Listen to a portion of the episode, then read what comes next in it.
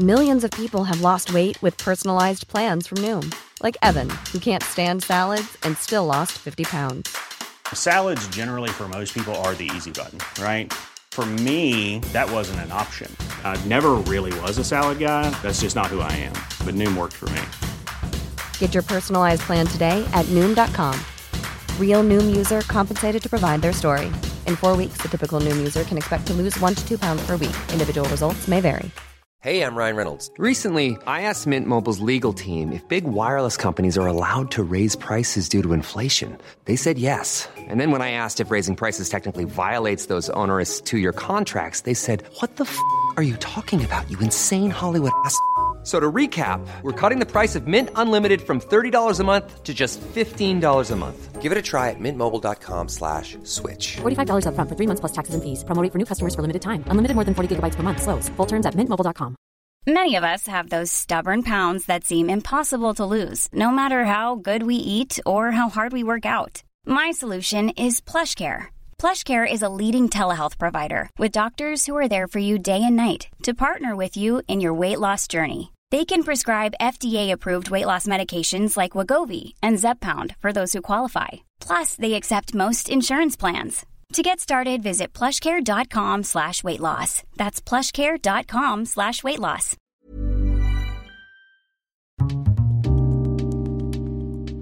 Det här programmet handlar om en noga utvald bok och ett samtal med dess författare. Välkommen till Lära från lärda. Fredrik Hilleborg vid micken. Den här veckan har jag en bok i min hand som jag har läst som heter Anfallskrigarens argument. Konsten att rättfärdiga våld. Mitt emot mig författaren Ove Bring. Välkommen! Tack så mycket. Jag brukar alltid börja med att gästen får presentera sig, så vi börjar där. Ja, jag är ju en eh, folkrättsjurist. Jag har jobbat på eh, UD eh, ganska många år och sedermera har jag varit på i universitetsvärlden på Uppsala universitet, Stockholms universitet, Försvarshögskolan som professor i internationell rätt. Och eh, jag är ju numera pensionerad men liksom är ganska med i svängen ändå som författare. Och eh, jag har en liten konsultbyrå och eh, gör utredningar ibland åt advokat advokatbyråer. Det kan röra sig ofta om krigsförbrytare som är under åtal i Sverige och hur man ska se på deras brott och vilken lagstiftning som är tillämplig. Varför är det här ämnet intressant? Ja, jag tycker det är intressant därför att Ukraina-krisen har ju visat på hur liksom lögnen har satts i system av, eh, av Putin och, eh, och hans eh, regim. Lögnen sätts ofta liksom som en, fram som en framträdande grej i krigsutbrott överhuvudtaget. Om man ser på många av de krig som har startats i världen så är det ofta så att de som är beslutsfattare och startar dessa krig har en uppfattning om sig själva att de är väldigt viktiga personer, att de har en möjlighet att göra skillnad, att de vill genomföra stora nationella projekt och att de vill, som Putin har sagt, det, nu är det min tur att gå till historien. Och det här gör att de liksom är beredda att använda vilka argument som helst, hur falska de än kan vara, för att rättfärdiga beslutet att gå till krig. För de tycker att beslutet att gå till krig är så viktigt. Man vill åstadkomma någonting som är så viktigt och värdefullt ur deras perspektiv. Frågan om eh, att rättfärdiga våldet är ganska viktig i modern historia ska vi, ska vi säga. Därför min bok handlar ju i första delen om hur lång tid det tog innan staterna och furstarna och kungarna tyckte att de behövde rättfärdiga sig när de gick till krig. Och det var egentligen först Gustav II Adolf och några andra figurer under 30-åriga kriget som såg ett behov av att rättfärdiga att de gick, gick in i ett stort krig. Mm. Och precis som du sa, du eh, eh, gör en, en historieöverblick först i första delen och sen i andra delen så, så går du in och pratar om eh, flera olika krigshändelser. Eh, och jag tänkte vi kommer komma in på några. Men om vi tar det där som du var inne på lite nu, när, eh, vad skulle du säga är någon liksom bryt, speciell brytpunkt när det blev så att man var tvungen att rättfärdiga sitt krig? Alltså ge, genom propaganda och retorik för att få med sig? Ja, jo, alltså jag menar ju att det finns en sån brytpunkt. Men jag skulle vilja citera någonting först som visar hur det var innan den här brytpunkten uppträdde. Nämligen att eh, principen var att makt är rätt. Den som är mäktig har rätt och något annat är egentligen inte relevant. Och det finns en diskussion i statsvetenskapen som har att göra med vad den grekiske historieförfattaren Thukykides skrev om det Peloponnesiska kriget. När Sparta hade en koloni som invaderades av den atenska flottan och hur de spartanska invånarna, deras borgmästare, försökte säga till den segrande amiralen att eh, men vi vill vara neutrala. Vi vill liksom bli skyddade, humanitärt skyddade och vi vill ha garantier om det går från er sida att vi blir väl behandlade. Och det svar som den atenska generalen gav på det uttalandet. Den atenska generalen sa att istället föreslår vi att ni tar sikte på vad som är möjligt att genomdriva med beaktande av vi och båda sidor innerst tänker. Ni vet nämligen lika väl som vi att rätten, när vi talar om relationen människor emellan, kommer till tals först då bägge parter kan utöva lika starkt tvång och att i annat fall de mäktigare tar för sig allt de kan medan de svaga blott har att finna sig i det. Och liksom det var poängen, makt är rätt. Ni har inga rättigheter för ni är svaga. Och på det här sättet fortsatte det under medeltiden, under början av den nya tiden och först under 1600-talets mitt så började hända saker under 30-åriga kriget. Och jag har sagt att brytpunkten är egentligen den västfaliska freden 1648 som avslutar det 30-åriga kriget. För där kom man överens om att krig är något ont som inte bör förekomma. Freden är något gott som man bör sträva efter att genomföra. Och är det så att en krigsförbrytare, att en aggressor framträder på den internationella scenen, då ska staterna som vill ha fred gemensamt gå i en koalition mot fredsbrytaren. Och det är tankar som för fram till Nationernas förbund 1920, Förenta Nationerna 1945. Och det är tanken om principen om kollektiv säkerhet, gemensam säkerhet, som FN-stadgan är uppbyggd på. Så därför blev Västfaliska freden en brytpunkt i tankemässigt avseende därför att de, de politiska realiteterna var fortfarande sådana att krig förekom. Mm. Men det fanns filosofer och skribenter och eh, även kungar, påvar och religiösa figurer som tog till sig de västfaliska principerna. Och på det sättet så kunde de sakta men säkert slå, slå ut i full blom. Och det blev en, en nödvändighet för stater som började krig att ha någon anledning som de behövde, som de kunde åberopa för att rättfärdiga sig själva. Handlar det mer om att man inte vill då få alla andra stater emot sig eller handlar det om eh, nationellt att man vill inte få opinionen eller väljarna emot sig? Alltså förstarna som eh, kunde driva den här politiken, de hade ju behov av allianser med andra förstar.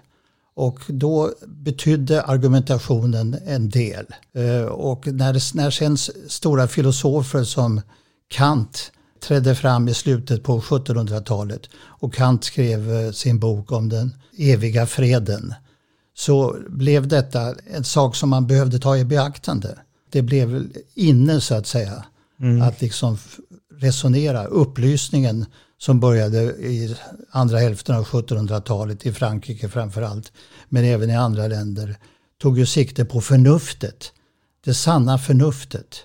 Och det var ju att man skulle inte råka i krig med varandra utan man skulle utveckla de nationella staterna. Och, och, utifrån det här då så har det även förekommit flera gånger i historien att man, eh, om man inte har så att säga argument eller anledning så försöker man skapa det genom att antingen eh, fuska sig fram. Jag, jag tänker på Gustav III va? Ja, det är ett, ett tidigt exempel.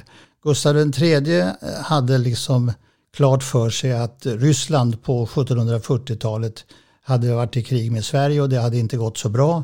Och vi hade förlorat lite eh, små territorier i Finland och han ville nu återta dessa territorier.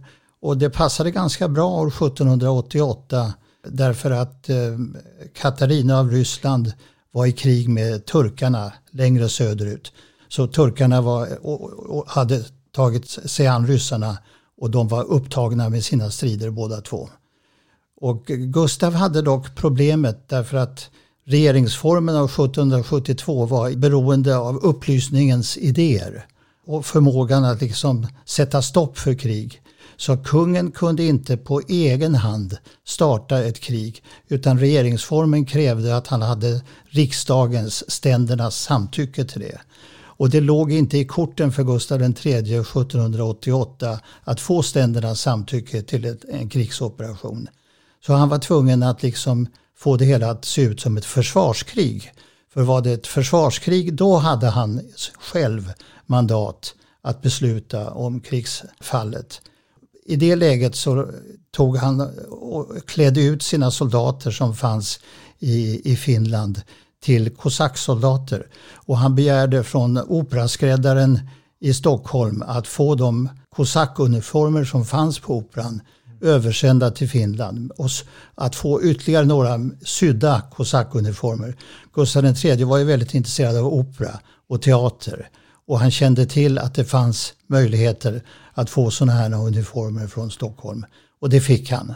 Och efter att han hade klätt ut en, en trupp svenska soldater så fick de gå över gränsen till den ryska sidan på Karelen och fejka ett anfall mot svenskt territorium och mot svenska posteringar. Och på det sättet så kunde Gustav III säga, aha, här är det ett försvarskrig som behövs och nu sätter vi igång det. Och det kriget varade i två år och avslutades alltså 1790 utan att det blev några territoriella förändringar överhuvudtaget. Massor med människor hade dött. Den svenska krigskassan hade uttömts så att det var absolut ingenting som man vann på detta krig. Men det startade på ett sätt som var liksom operettmässigt får vi säga. Och blev inte avslöjad då eller först i efterhand? Han blev avslöjad. Det fanns ju en opposition mot Gustav III. Och bland, i de kretsarna så fanns det de som visste vad som hade hänt. Mm. Och eh, i de kretsarna fanns också Ankarström som, som mördade Gustav III senare. Just Ankarström visste inte om det här. Men, men det fanns andra personer som, var liksom, som tjänstgjorde i Finland på den finska scenen. Mm. Och då, det fanns några som visste. Och det har gått vidare så att det, historieböckerna liksom tar ofta upp det här exemplet. Mm. Och det är, det är okontroversiellt numera att det gick till på det här sättet. Det är ett bra exempel på just det där med att fejka någonting för att få anledning att attackera då. Ja. Vad du kan mycket om historia? Ja, jag är intresserad av historia och som folkrättsjurist på UD en gång i tiden så var ju liksom de principer som vi hade hävdat tidigare var ju viktiga att känna till. Därför att liksom det institutionella minnet pratade vi om på UD. Det historiska minnet måste man alltid ha med i bakgrunden för att se om det är relevant. ibland kanske det inte är det, men ofta är det det. Och eh, alla länder har en viss folkrättslig praxis, en, eh, en sedvanerätt som de följer. Mm. Och då gäller det att identifiera den och då spelar historien en roll. Och detta historiska liksom bakgrundstänkande, det har alltid intresserat mig, ja det stämmer. Mm. mm. Och sen i boken här sen så eh, är du, du beskriver många krig, det är alltid från, jag bara nämner några exempel. Ja. Sarajevo 1914, Mussolini och Etiopien, Hitler och Polen, bomber över Helsingfors. Eh, och sen genom 1900-talet, Kubakrisen, exempelvis Tjeckoslovakien 1968.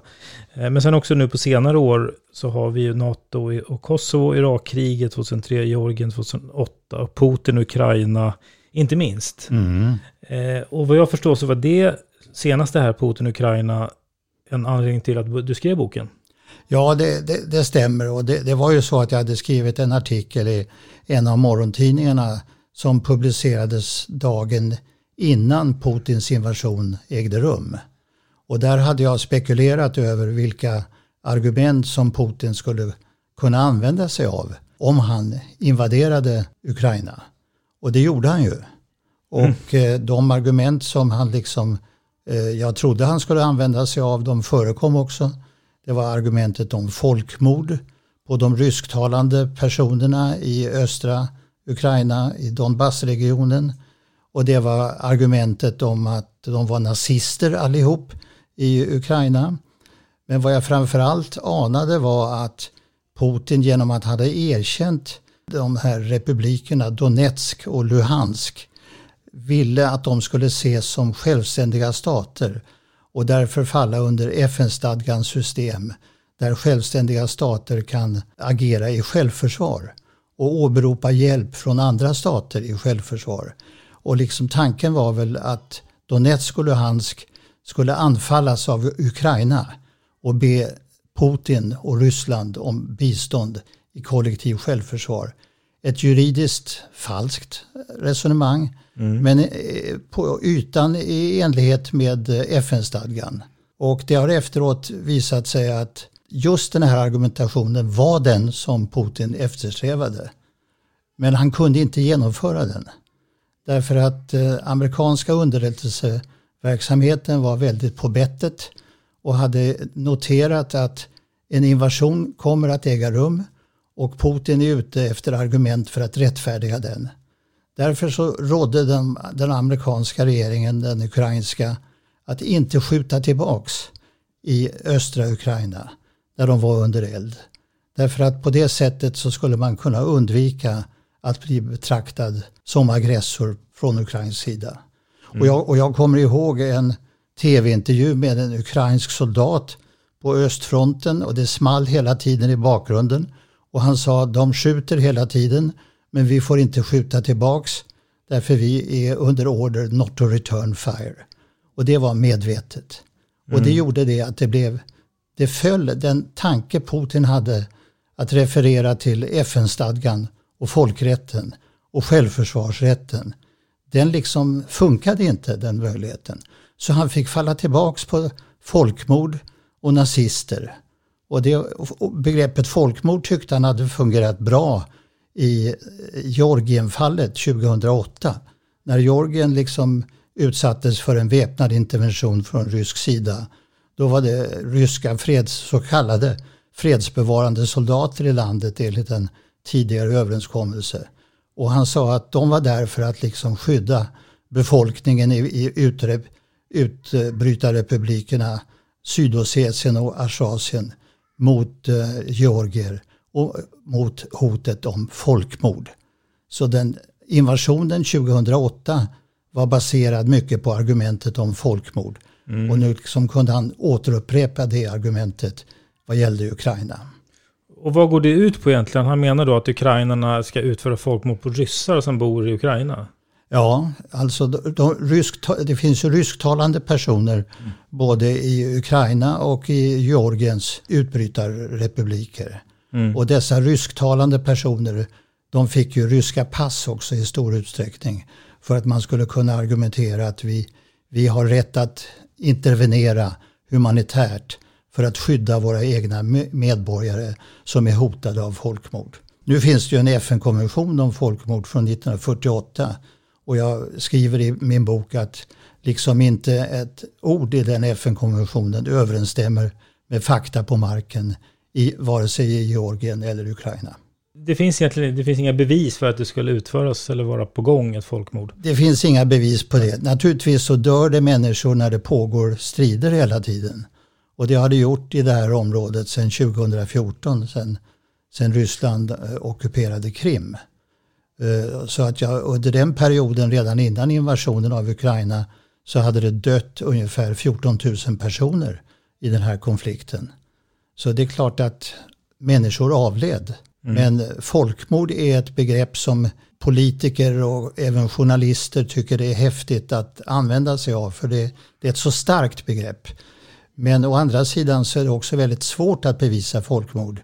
För det måste finnas en eh, en eh, genocidal intent som man säger, ett syfte hos beslutsfattarna att utradera en viss befolkningsgrupp helt eller delvis. Mm. Så det är inte bara en fråga om att folk dör i en väpnad konflikt. Det är frågan om att politiker har ett syfte att utplåna, utrota en viss befolkningsgrupp. Och det är väldigt svårt att bevisa. Mm. I Rwanda, det är väl ett exempel på ett folkmord? Rwanda är absolut ett exempel på ett, ett folkmord. Och det är ett av de exemplen jag tar upp. Ja, exakt. Och, där, och lögnen i det fallet, den, den präglades av en radiostation i Rwanda som liksom eh, beskrev eh, tutsis som liksom personer som man kunde göra vad som helst. Hej, jag Ryan Reynolds. På Mint Mobile, we like to do the opposite of what Big Wireless does. They charge you a lot, we charge you a little. So naturally, when they announced they'd be raising their prices due to inflation, we decided to deflate our prices due to not hating you. That's right. We're cutting the price of Mint Unlimited from $30 a month to just $15 a month. Give it a try at mintmobile.com slash switch. $45 upfront for three months plus taxes and fees. Promo for new customers for limited time. Unlimited more than 40 gigabytes per month. Slows. Full terms at mintmobile.com. Everyone knows therapy is great for solving problems, but getting therapy has its own problems too, like finding the right therapist, fitting into their schedule, and of course, the cost.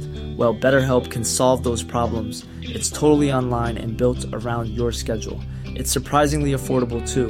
Connect with a credentialed therapist by phone, video, or online chat, all from the comfort of your home. Visit betterhelp.com to learn more and save 10% on your first month. That's BetterHelp, H E L P. Millions of people have lost weight with personalized plans from Noom, like Evan, who can't stand salads and still lost 50 pounds. Salads, generally, for most people, are the easy button, right? For me, that wasn't an option. I never really was a salad guy. That's just not who I am. But Noom worked for me. Get your personalized plan today at Noom.com. Real Noom user compensated to provide their story. In four weeks, the typical Noom user can expect to lose one to two pounds per week. Individual results may vary. Med.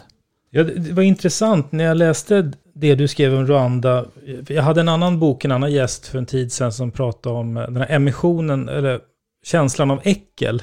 Mm. Och det är någonting som används retoriskt. Man försöker, också då i krig, man försöker måla ja. ut de andra som avskum, som ja. något som, man är, som är äckliga, för ja. att eh, skapa ett vi och dem. Ja, precis. Och det här är ett väldigt bra exempel på det genom radiosändningar, just prata om det. Ja, just den här eh, radio, det är eh, Mill Collin, de tusen kullarnas radio, eh, hade detta som tema hela tiden.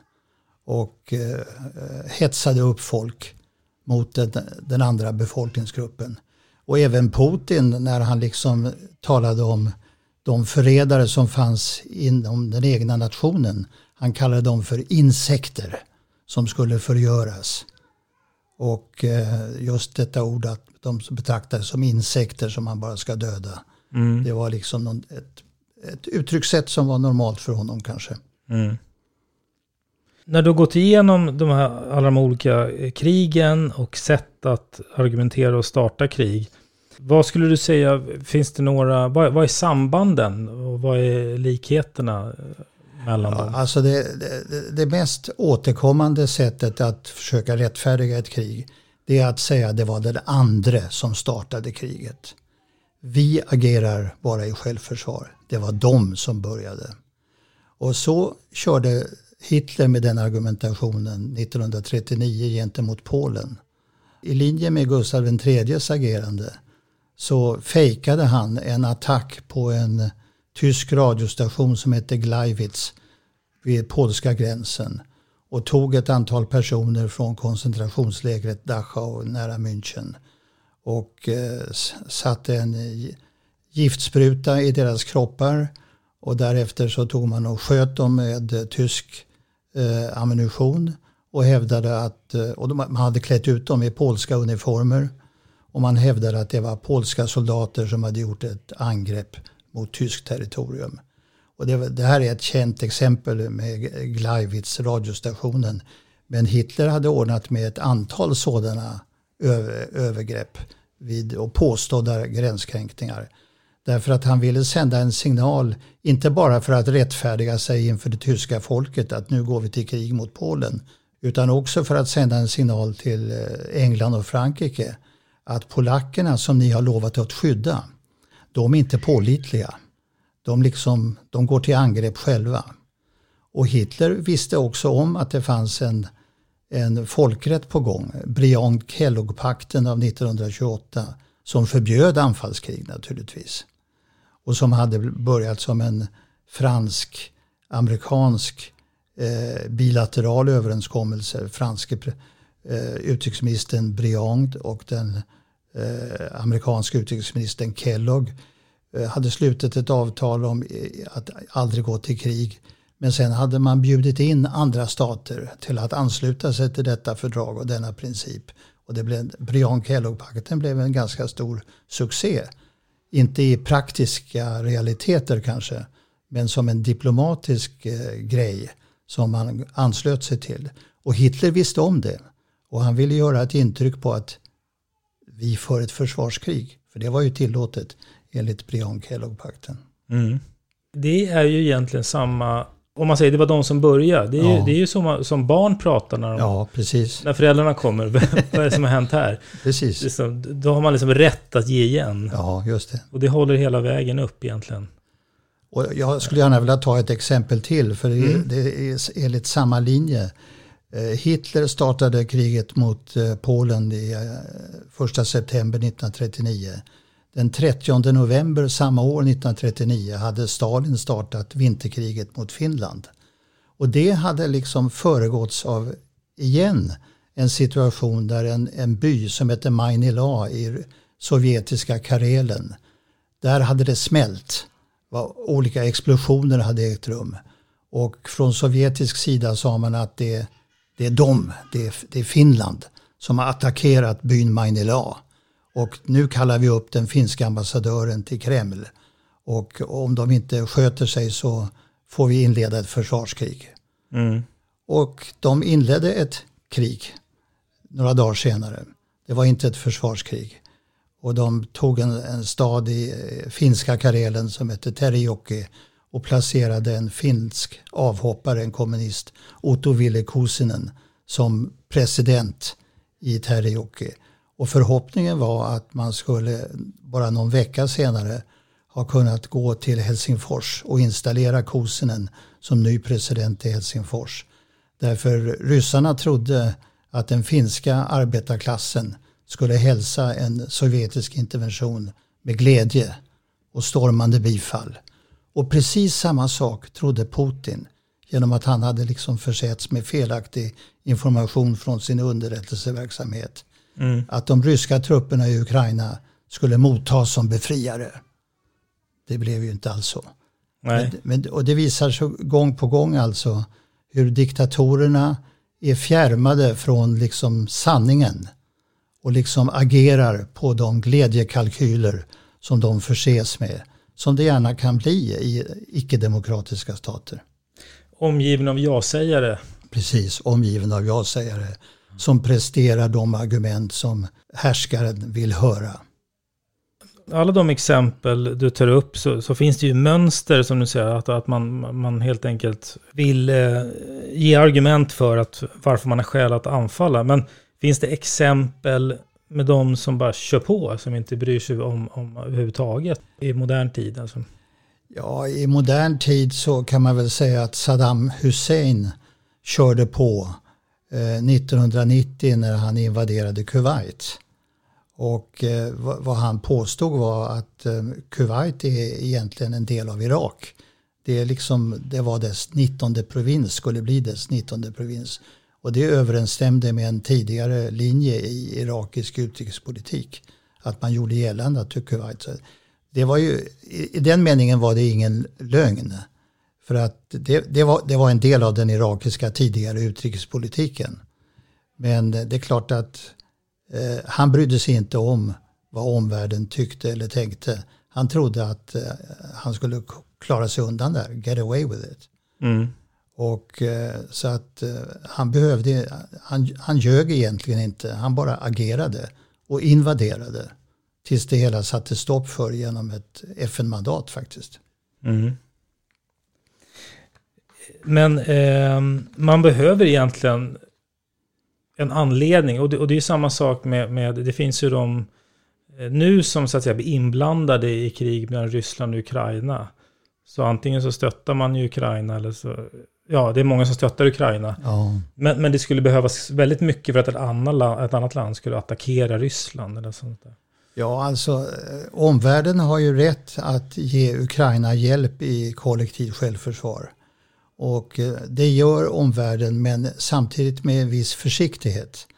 Därför att eh, även om man har rätt att gå till motattack mot Ryssland som sådant. Om man har den rätten under FN-stadgan. Så vill man inte göra det för att det är alltför eh, farligt. Det kan liksom leda till att kärnvapen används. Och eh, ryssarna själva försöker hota med det hela tiden. Och de tycker ju liksom att om, om någon bomb eller en drönare agerar mot mål i Moskva, då är detta terrorism. Det är liksom inte legitimt försvarskrig. Men Ukraina skulle kunna, om de hade möjligheter till det, attackera militära mål i Moskva. Mm. Men det vill man ju undvika. Därför att eh, av det skäl som jag sa, risken för eskalering och världskrig är så stor i det läget. Mm. Så att det går inte att utnyttja de folkrättsliga möjligheter man faktiskt har. En stor del av Putins propagandastrategi, eller vad man ska kalla det för, det verkar ju hela tiden, att hela tiden sprida osäkerhet och desinformation. Ja. Så att ett flöde och nekar ju till allting, i alla fall Ja. utifrån vårt perspektiv, vår mediebild. Ja. Eh, och är det någonting som är liksom, nytt för vår tid i och med digitaliseringen? Eller har- det alltid varit en del av krigsföringen? Nej, det, det, det har faktiskt alltid varit en del av eh, krigets praktik. Att man sprider ut felaktig information för att förvirra, för att lura och så vidare. Så det, men han, han gör det i stor skala och eh, han gör det för att inför den egna befolkningen rättfärdiga kriget. För det, eh, det är ju inte en miss, en desinformation som går hem i väst. Nej. Utan den blir ju ganska lätt avslöjad från, från gång till annan. Men det är klart att den ryska befolkningen är inte van att tänka på annat än att lyssna på sina politiska ledare. Och de har den kulturen på något sätt inarbetad i systemet. Så det är lättare för en ledare i Ryssland att förse sin egen befolkning med vad de upplever är som trovärdig information om det som, som sker. Men det kräver ju också att det inte är fria medier. Ja, Så att det, det, alltså en kontroll över medierna så som man... det, det kräver en kontroll över media och den kontrollen har han ju skaffat sig på senare år. Allt, eh, med allt eh, säkrare medel så har han liksom eh, fått bort fria tv-kanaler, fri press och så vidare. Och det finns några få individer kvar bara egentligen. Och, och några är, är ju inte i Ryssland utan har flytt till Polen eller något annat land. Litauen kanske. Om vi pratar om de här eh, sambanden, för du var, in, du var inne på det här med att man, man presenterar en anledning, vi blir attackerade, vi måste försvara oss, det är Ja. kanske den röda tråden. Ja, Eh, och sen så var du inne på det här också med, med folkmord som en sorts retorik. ja. Eh, och om man tänker på det här med att måla ut några som liksom kackerlackor, som även Hitler gjorde. Med, ja. Finns det några andra sådana eh, så återkommande mönster som är eh, värda att nämna? Nej, inte, inte vad gäller mönster. Flera av de andra exempel jag har tagit upp, USAs invasion av Kuba eller försök att invadera Kuba med exilkubaner 1961, Grisbuktsinvasionen, det är väldigt speciella omständigheter. Eller när USA eh, försökte inför FN genom sin eh, utrikesminister Colin Powell 2003 övertyga FN att Irak inte hade avrustat sina eh, massförstörelsevapen. Utan att det fanns olika transporter och visades bilder på bilar som åkte och kanske forslade biologiska vapen och så vidare.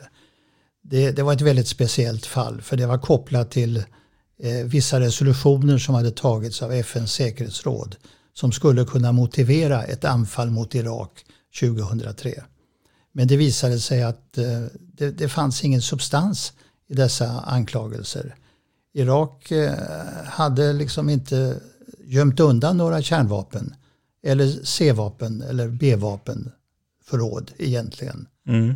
Det fanns kanske någonting kvar men inte så att det var av den magnituden att det motiverade en invasion. Men det var väldigt speciella förhållanden i, i Irakfallet 2003. Och, men, men det är klart att det här mönstret du talar om, del, delvis går det igen i Sovjetunionens invasion i Afghanistan 1979, det tror jag det var. Eh, hur de eh, ville bli av med en viss president i Afghanistan och tillsätta en annan. Detta är ju ofta ett system som USA har intervenerat i Latinamerika, i den regionen och vill ha bort en president som är vänster och få in en annan president som är mera höger. Mm. Och eh, det mönstret förekom när ryssarna eller sovjeterna invaderade i Afghanistan. De ville ut, byta ut en president mot en annan. Så det mönstret förekommer också. Det blir nästan att man ska rädda befolkningen. Ja, alltså det, det är klart att det biargumentet har förekommit i dessa fall men, men jag skulle säga att det egentligen rör det sig om eh, politiska överväganden och inte humanitära överväganden där man tänker på befolkningen. Det har liksom varit en underordnad grej. Men det är klart att argumentet är ju att vår presidentkandidat gör mera för folket. Mm. Medan er presidentkandidat eh, gynnar kapitalismen exempelvis. Mm. Och, eller motsvarande på annat sätt.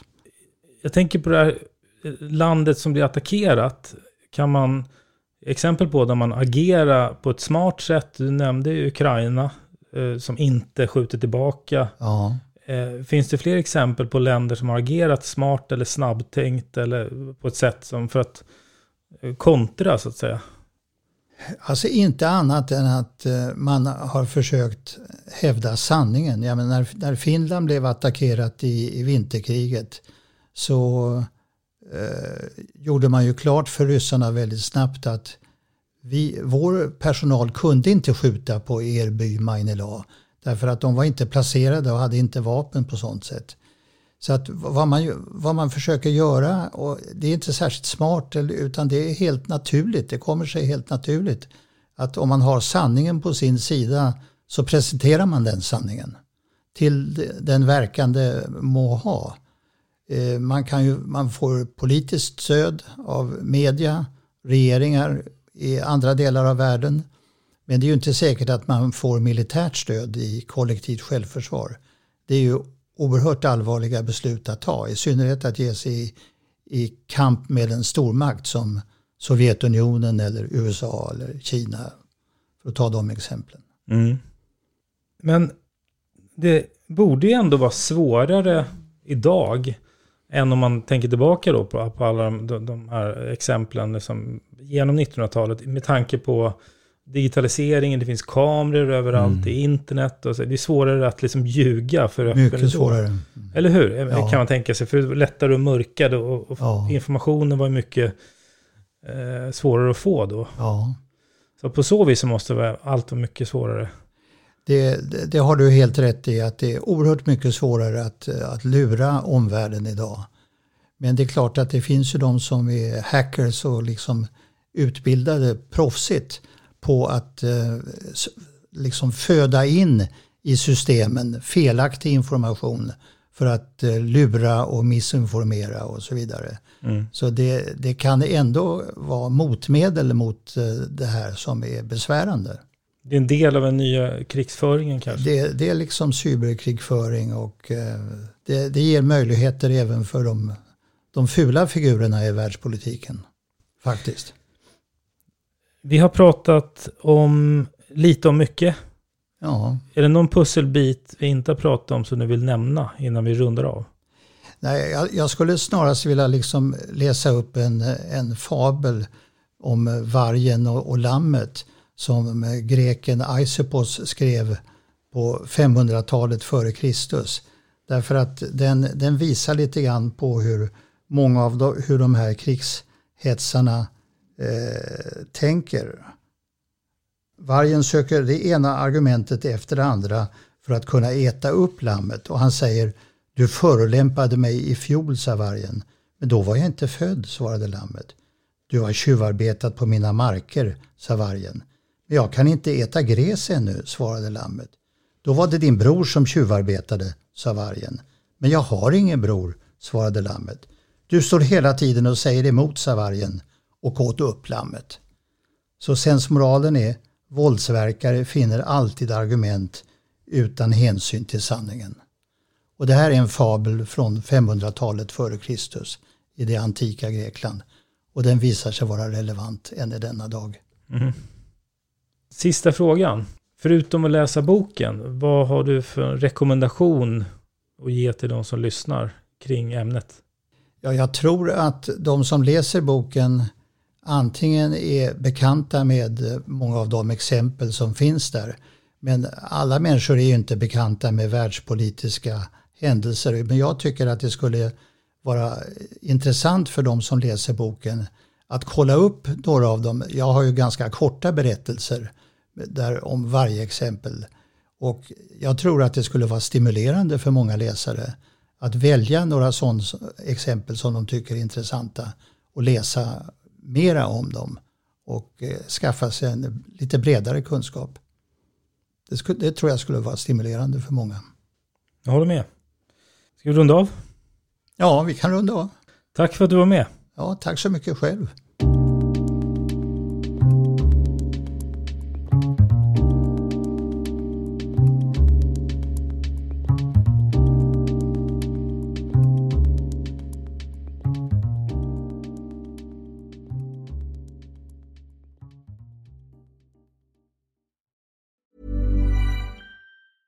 Even on a budget, quality is non-negotiable. That's why Quince is the place to score high-end essentials at 50 to 80% less than similar brands. Get your hands on buttery soft cashmere sweaters from just 60 bucks, Italian leather jackets, and so much more. And the best part about Quince, they exclusively partner with factories committed to safe, ethical, and responsible manufacturing. Elevate your style without the elevated price tag with Quince. Go to quince.com slash upgrade for free shipping and 365-day returns. Planning for your next trip? Elevate your travel style with Quince. Quince has all the jet-setting essentials you'll want for your next getaway, like European linen, premium luggage options, buttery soft Italian leather bags, and so much more. And is all priced at 50 to 80% less than similar brands. Plus, Quince only works with factories that use safe and ethical manufacturing practices.